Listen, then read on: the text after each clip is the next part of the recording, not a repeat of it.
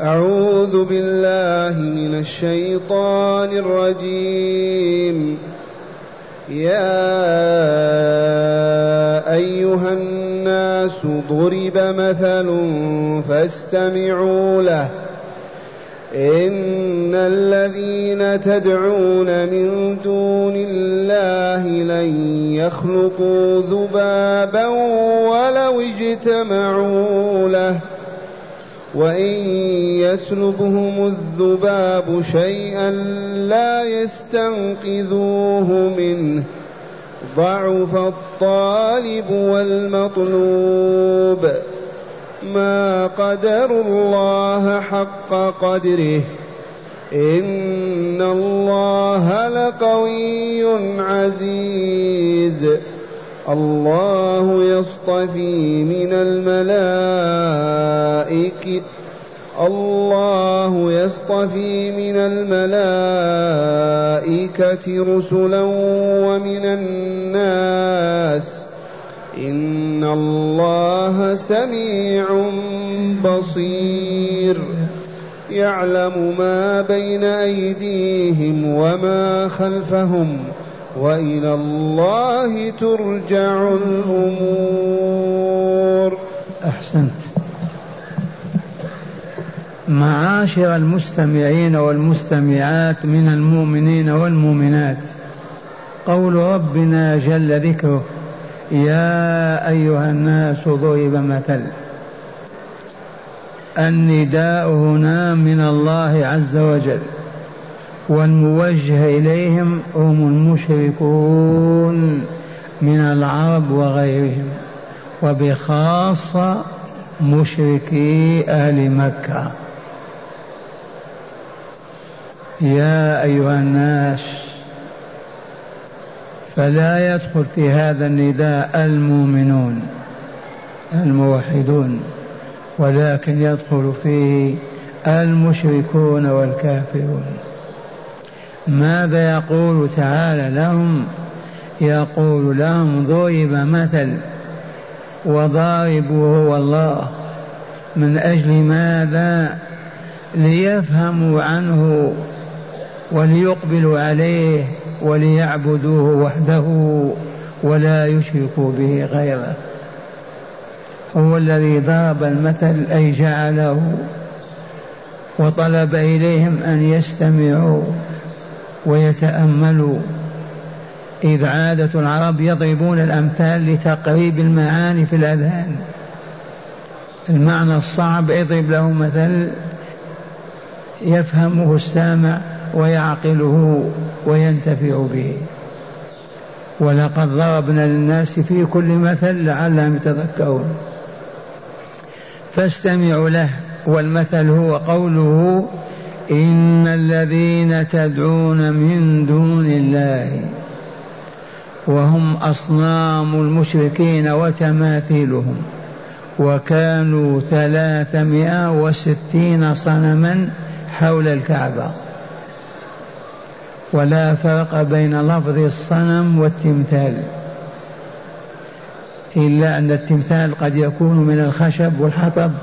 وقد يكون من الساج والعاج وقد يكون من الورق صورة. والصنم تمثال له ذات معينة.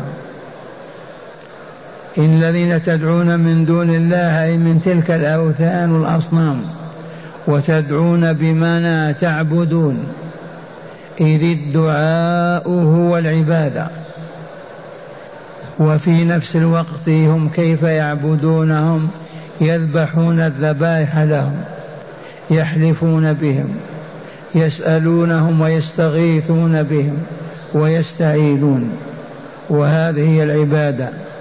والرسول الكريم يقول الدعاء هو العبادة. وفي حديث ضعيف الدعاء مخ العبادة. وقد بينت لكم هذا عدة مرة عدة مرات. فارفع يديك ورفع رأسك إلى السماء وقل يا رب ماذا نقع عن هذه الصورة؟ لو يفعلها أحد أمسك عن الكتاب. أنا أمثلها لك. من يقرأ؟ قم يا إدريس. أنا أقرأ أنتم ما تقرأون الاستماع إلى الله. أقرأ. هذا العبد فقير. والله إنه لفقير. ما الدلالة على فقره؟ رفع كفيه. ضارعا سائلا. ثانيا أقرأ. هذا العبد موقن أن ربه عز وجل فوقه فوق سماواته فلهذا رفع كفيه إليه. ثالثا هذا العبد موقن أن الرب تعالى يراه ويسمع صوته ونداه فلهذا رفع كفيه إليه وقال يا الله! رابعا هذا العبد لو كان يعلم أن هناك من يعطيه حاجته من يقضيه حاجته من يكرمه لرفع كفيه إليه ولا قال هكذا أو هكذا ولكن رفعا فقط إلى الله فهو موقن أن لا يوجد في الكون من يقضي حاجته إلا الله. فلهذا كان الدعاء هو العبادة. الدعاء هو العبادة. ومع الأسف ووا حزناه ووا أسفاه فإن الملايين ممن ينتسبون إلى الإسلام والرسول الكريم يسألون الأولياء ويدعونهم ويستغيثون بهم. يا سيدي فلان يا مولاي فلان يا كذا أنا في حماك أنا دخيلك اسأل لي كذا. يواجهون الموتى بالأسئلة التي ما واجه الله بها. وهذا عم العالم الإسلامي في قرون الظلام والجهل وما زالت بقايا إلى اليوم. إذا يا أيها الناس ضرب مثل فاستمعوا له. إن الذين تدعون من دون الله بالدعاء والضراع والسؤال والعبادة حالهم ضعفهم عجزهم لن يخلقوا ذبابا. هذه الآلهة التي لو اجتمعت وعزمت على خلق ذبابة واحدة والله ما قدرت. اجتمعت عليها أو تفرقت. أبدا. والذبابة تعرفونها. حيوان ماذا ما عفينة ضعيفة قذرة تنبت من الخرع والخبث. أخس المخلوقات الذبابة هذه الذبابة المخلوقة بجناحيها كما تشاهدون ورجليها لو اجتمعت الآلهة كل على خلقها والله ما خلقتها. لو اجتمعوا على أن يخلقوا ذبابا ما قدروا عليه. فهل يجوز إذا أن تطلب منهم الدينار والدرهم وتطلب منهم النصرة والعون والقدرة؟ وهو عاجز عن خلق ذبابة. ما هو صنم واحد؟ كل الآلهة المعبودة دون الله مجموعة ما تستطيع أن تخلق ذبابا. ولو اجتمعوا على خلقه والله ما قدروا عليه. وهذا بينا مثيله مرات وقلنا لو تجتمع البشرية كلها من أندونيسيا لا من اليابان الأمريكان على خلق ذبابة والله ما خلقه. على خلق قمة ما استطاعوا. فضلا عن خلق إنسان وحيوان. صوروا صور وجعلوا فيها الكهرباء هي كذب لا روح فيها ولا حياة. إذا لمن الخلق لله؟ ألا له الخلق والأمر. تبارك الله رب العالمين. ادعوا ربكم تضرعا وخفيا. إنه لا يحب المعتدين. إذا ما زلنا مع هذا المثل الذي ضربه الله للمشركين علهم يتوبون ويرجعون. يا أيها الناس ضرب مثل فاستمعوا له. ما هو؟ إن الذين تدعون من دون الله وفي قراءة تعبدون من دون الله لن يخلقوا ذبابا ولو اجتمعوا له. ثم قال تعالى وإن يسلبهم الذباب شيئا لا يستنقذوه منه. كان المشركون يطلون آلهتهم بالزعفران بالعطر بمواد طيبة ويأتي الذباب ويقع عليها ويسلبها. يستطيعون أن أن يستردوها؟ وإن يسلبهم الذباب شيئا مما عليهم. في تلك الصور يستطيعون إنقاذه والله ما يستطيعون. لا ينقذوه ينقذوه منه. وأخيرا يقول تعالى ضعف الطالب والمطلوب. ضعف الطالب الذباب. ضعف الطالب الذباب والمطلوب هو الأصنام. الذباب ضعيف وإلا لا؟ والأصنام حجارة مطلات بالزعفران وإلا بالعطر ضعيفة وإلا لا ضعف الطالب المطلوب. وفي نفس الوقت ضعف الطالب وهو الداعي إلى الأصنام والمطلوب وهو الأصنام. واللفظ يحمل المعنيين تمام الحمل. وصدق الله العظيم. ضعف الطالب والمطلوب. من حيث الذباب والصنم ضعف الطالب الذباب هو الذي يريد أو المطلوب الصنم الذي يؤخذ عطره أو أراد الصنم أن يطرد الذباب ما يستطيع كذلك طرده. وفي نفس الوقت ضعف المشركون وضعفت آلهتهم. الكل لا يقدرون على شيء. هذا معنى قوله تعالى يا أيها الناس ضرب مثل فاستمعوا له. إن الذين تدعون من دون الله لن يخلقوا ذبابا. لن يخلقوا ذبابا ولو اجتمعوا عليه. وإن يسلبهم الذباب شيئا لا يستنقذوه منه. إذا ضعف الطالب والمطلوب. ومن هنا والله ما صح لعبد أن يسأل غير ربه حاجته. لا ملك مقرب ولا نبي مرسل ولا ولي في الصالحين فضلا عن القبور والأحجار والنباتات وإنما الذي ترفع إليه الأكف ويسأل هو الله السميع الدعاء القريب المجيب.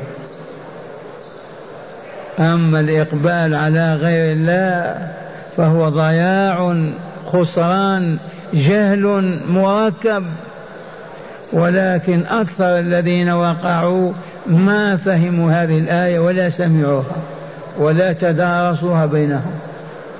الآن أيها الحاضرون هل فينا من يستطيع أن يقول يا رسول الله أعطني كذا؟ مع أنه رسول الله. والله ما يستطيع أن يقول. يستحي من الله. يستحي من رسول الله. من هو الذي يدعى ويطلب ويسأل؟ الله جل جلاله. أما غير الله ما يعطي ولا يمنع. الضار والنافع هو الله عز وجل. وإن قلت إذا كيف نتوسل بالنبي صلى الله عليه وسلم؟ اجلس في مصلاك وصل عليه مئة مرة ألف مرة قل يا ربي لقد صليت لك على نبيك فقضي حاجتي. نعم توسلت إلى نعم. استن بسنته في كل حياتك واسأل الله متوسل إليه باستنانك بسنة رسوله صلى الله عليه وسلم. إذا التوسل معاشر المستمعين يكون بأقوال وأعمال ونيات يحبها الله عز وجل. فإذا فعلتها لوجه الله اسأل حاجتك. ما هو ببعيد ابدا أن تتوضأ وتقوم وتصلي ركعتين في بيتك أو في المسجد وأنت تريد أن يقضي الله حاجتك. والله لا هي الوسيلة. ليس بقريب أو ببعيد أبدا أن تجلس وتقرأ صورة من كتاب الله في المصحف أو جزء أو حزب ثم قول ربي تلوت كتابك تقربا إليك وتزلفا يا ربي أقضي حاجتي وأنت تبكي. تعطى هذا. ولكن الجهل هو سبب هذا الضلال. فقط ما هو إلا الجهل. فهذا تعالى يضرب لهم المثل ليوضح لهم الطريق ويبين لهم السبيل. ومن ثم والله آمن من آمن ووحد من وحد. وأصبحوا أولياء الله. ثم قال تعالى وما قدر الله حق قدره. وما قدر الله حق قدره. أولئك الذين عبدوا غيره معه. أولئك الذين رفعوا أكفهم, أكفهم إلى سواه. أولئك الذين علقوا قلوبهم بغيره من خلق الله. هؤلاء ما قدروا الله حق قدره. ونحن والله ما قدرناه حق قدره. قدر الله لو قدرناه إذا ذكرناه ارتعدت فرائصنا وقد يغمى علينا. لما نذكر جلاله وعظمته وكماله. لما نذكر أن أرواحنا بيده وأنه خالقنا وخالق كل شيء وأنه يقول الشيء كن فيكون. كيف نقدر قدره لو نبكي طول الدهر ما ما يجدي ذلك ولا ينفع. لو نخر ساجدين أبدا ما أدينا الله حقه. ما قدر الله حق قدره. والأرض جميعا قبضته يوم القيامة. والسماوات مطويات بيمينه كيف تقدر حق قدره لو نبكي طول الدهر لو نسجد ما نرفع رؤوسنا ما قدرنا الله حق قدره. ولكن مع الأسف شبهوه بخلقه وعبدوا الأصنام والتماثيل وأقبلوا على الأهواء والشياطين. هكذا يقول تعالى وما قدر الله حق قدره؟ إن الله لقوي عزيز القوي القادر على فعل كل شيء العزيز الذي لا يمانع في شيء يريده العزيز الذي لا يمانع ولا يستطيع أحد أن يمنعه أو يحول بينه وبين ما أراده ابدا وهذا من وصف الله وحده. هو العزيز المن هو العزيز القوي العزيز. كيف يقبلون على أحجار وقبور وتماثيل وأصنام مصنوعة باليد؟ محتاج إليهم محتاجون محتاج إليهم. الذباب إن وقع عليها ما يطردونه ويتركون الله العلي العظيم. القوي العزيز. سبحان الله. هذه ظلمات الجهل. لما بعث الله فيهم رسوله وأنزل عليهم كتابه خمس وعشرين سنة فقط والديار كلها لا إله إلا الله محمد رسول الله صلى الله عليه وسلم. ولا ننسى أن هذه الدعوة الإسلامية التي انتشرت في هذه الظروف من ستين سبعين سنة خف الشرك بصورة عجيبة. قبل سبعين سنة ما فيه بلد ما فيه قبر يعبد. أبدا. لكن الحمد لله الجهل زال والعلم حل محله فذهبت تلك الضلالات وبقي ما بقي. ثم قال تعالى الله يصطفي من الملائكة رسلا ومن الناس. الآية الأولى في تحقيق لا إله إلا الله. الآية الأولى يا أيها الناس ضرب مثل إلى قول الله قول عزيز تقرر ماذا؟ لا إله إلا الله. أي لا يستحق أن يعبد إلا الله. وبعث الرسول بها. والآية الثانية تقرر أن محمدا رسول الله. وهذا هو باب الدخول في الإسلام. أشهد أن لا إله إلا الله وأشهد أن محمد رسول الله. فقد قال الكافرون المشركون أأنزل عليه الذكر من بيننا؟ بل هو كذاب أشر كيف ينزل عليه الذكر القرآن بيننا؟ ما هو معقول قالوا هذا ولا نظير له ولا مثل له. فأخبر تعالى أنه يصطفي من الملائكة ما هو من البشر فقط. من الملائكة يصطفي ويختار ويجتبي وينتقي رسلا كجبريل عليه السلام. ما هو رسول الله إلى رسول, إلى رسل الله؟ رسول الله إلى رسل الله. يأتيهم بأخبار الله وما يريد منهم. من الملائكة رسلا ومن الناس أيضا ومنهم محمد صلى الله عليه وسلم.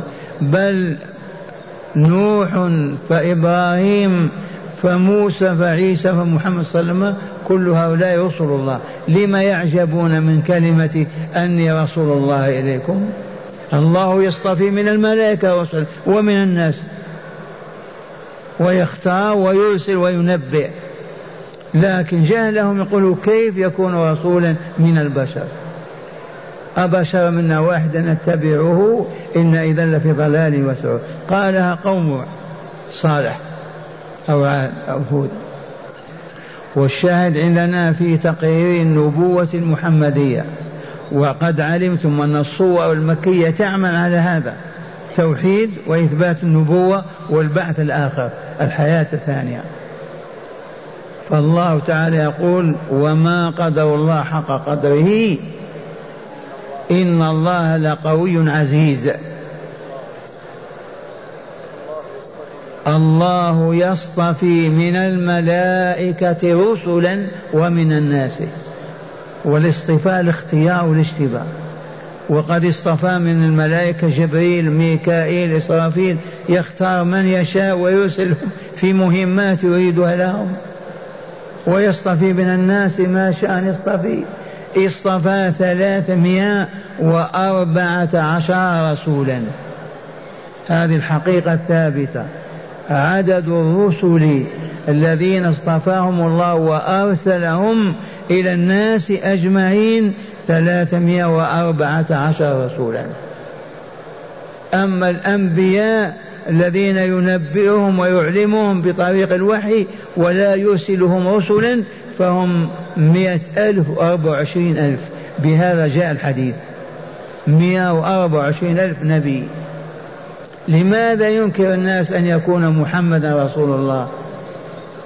أي داعي لهذا الإنكار؟ الداعي إليه العادات والمحافظة عليها والأطماع الدنيوية والشهوات والأهواء حتى يبقى الوضع كما هو فيسعدون فيه كما يريدون. وإلا أي داع إلى أن يكذبوا رسول الله سواء كان محمدا أو صالحا أو هودا. فقط هي أحوال معروفة منها التقليد الأعمى واتباع الأجداد والآباء والمحافظة على الوضع. الله يصطفي من الملائكة رسل ومن الناس واصطفى من الناس من؟ محمدا صلى الله عليه وسلم. هو المصطفى المختار المجتبى من بين البشرية واصطفاه وأرسله إلى الناس كافة أبيضهم وأصفرهم وإلى يوم القيامة.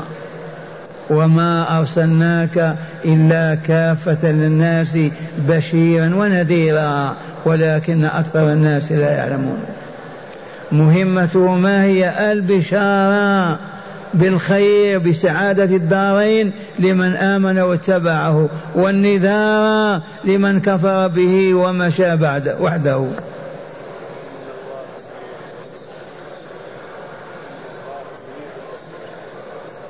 ويقول تعالى إن الله سميع بصير. إن الله سميع بصير. سميع لأقوال عباده. سميع لأصواتهم. سواء كانوا ملائكة أو كانوا بشرا أو كانوا حيوانات. سميع يسمع كل صوت في الكون. وهذا الذي ينبغي أن يدعى ويسأل. أما الذي تقف ربع ساعة عشرين يوم وأنت يا سيدي فلان ما يسمعك كيف تدعو؟ أسألكم بالله. تدعو من يسمعك وإلا لا؟ والذي لو وقفت كذا يوما يا سيدي فلان يا كذا ما يسمع. يجوز تدعوه؟ خطأ ضلال عقلي. سميع علي سميع بصير. والذي لا يراك ولا يعرفك لو كان يسمع ولو ما يراك ممكن يعطيك لأنه سمع. ولكن لا يسمع ولا يبصرك ولا يعرفك. فهل الأصنام والتماثيل والصلبان المعلقة في الأعناق تعرف وتسمع وتبصر؟ كيف تعبد؟ نحن في حاجة إلى من يسمع نداءاتنا إلى من يسمع دعاءنا إلى من يبصر حالنا ويعرف عجزنا وضعفنا ويعرف ما نحن في حاجة إليه. أما الذي لا يسمع ولا يبصر كيف ندعوه؟ كيف نعبده؟ كيف نطرح بين يديه؟ كيف نخر على ركبنا ساجدين جاثمين كما يفعل المشركون؟ كل هذا جهل وضلال والعياذ بالله. ثم قال تعالى يعلم ما بين أيديهم وما خلفهم. يعلم ظواهر الأمور وبواطنها. يعلم ما مضى وما ياتي. ما بين أيدينا مستقبل وما خلفنا وراءنا. لا يخفى عليه من أمر الكون شيء.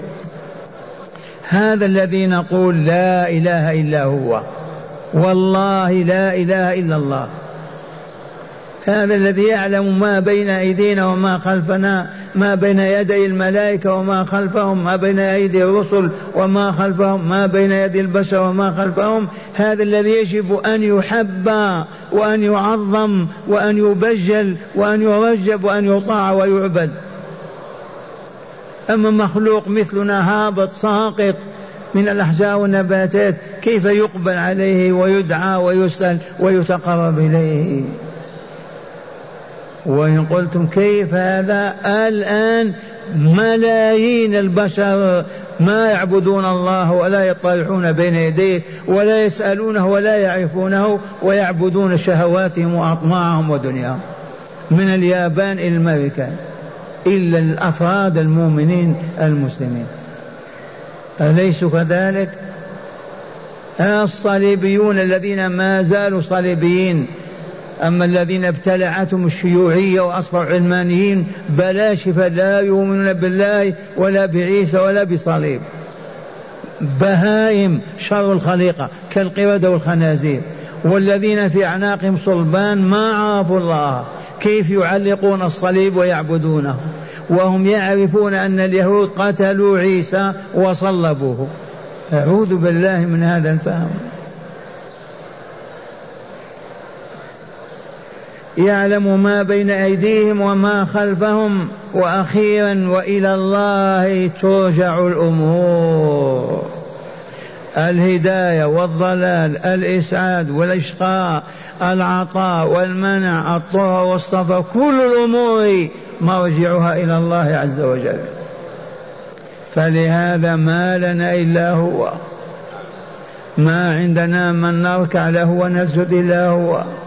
ما عندنا من نقبل عليه في صدق سائلين ضارعين إلا هو. ما لنا من نخاف ونرهبه ونحن نعلم أنه معنا يرانا ويسمعنا إلا هو. والله نسأل أن يتوفنا على هذه الحال وأن يدخلنا برحمته في عباده الصالحين. أسمعكم شرح الآيات من الكتاب. وإلا ترجع الأمور انتهت. قال الشارح غفر الله له ولكم ورحمه وإياكم وتأملوا. ما زال السياق الكريم في الدعوة إلى التوحيد. أليس كذلك؟ والتنديد بالشرك والمشركين من أول الصورة. يقول تعالى يا أيها الناس ضرب مثل فاستمعوا له. أي يا أيها المشركون أيها المشركون بالله آلهة أصناما. ضرب لآلهتكم في حقارتها وضعفها وقلة نفعها مثل رائع فاستمعوا له. وبينه بقوله إن الذين تدعون من دون الله من أوثان وأصنام لن يخلقوا ذبابا وهو أحقر حيوان وأخبثه.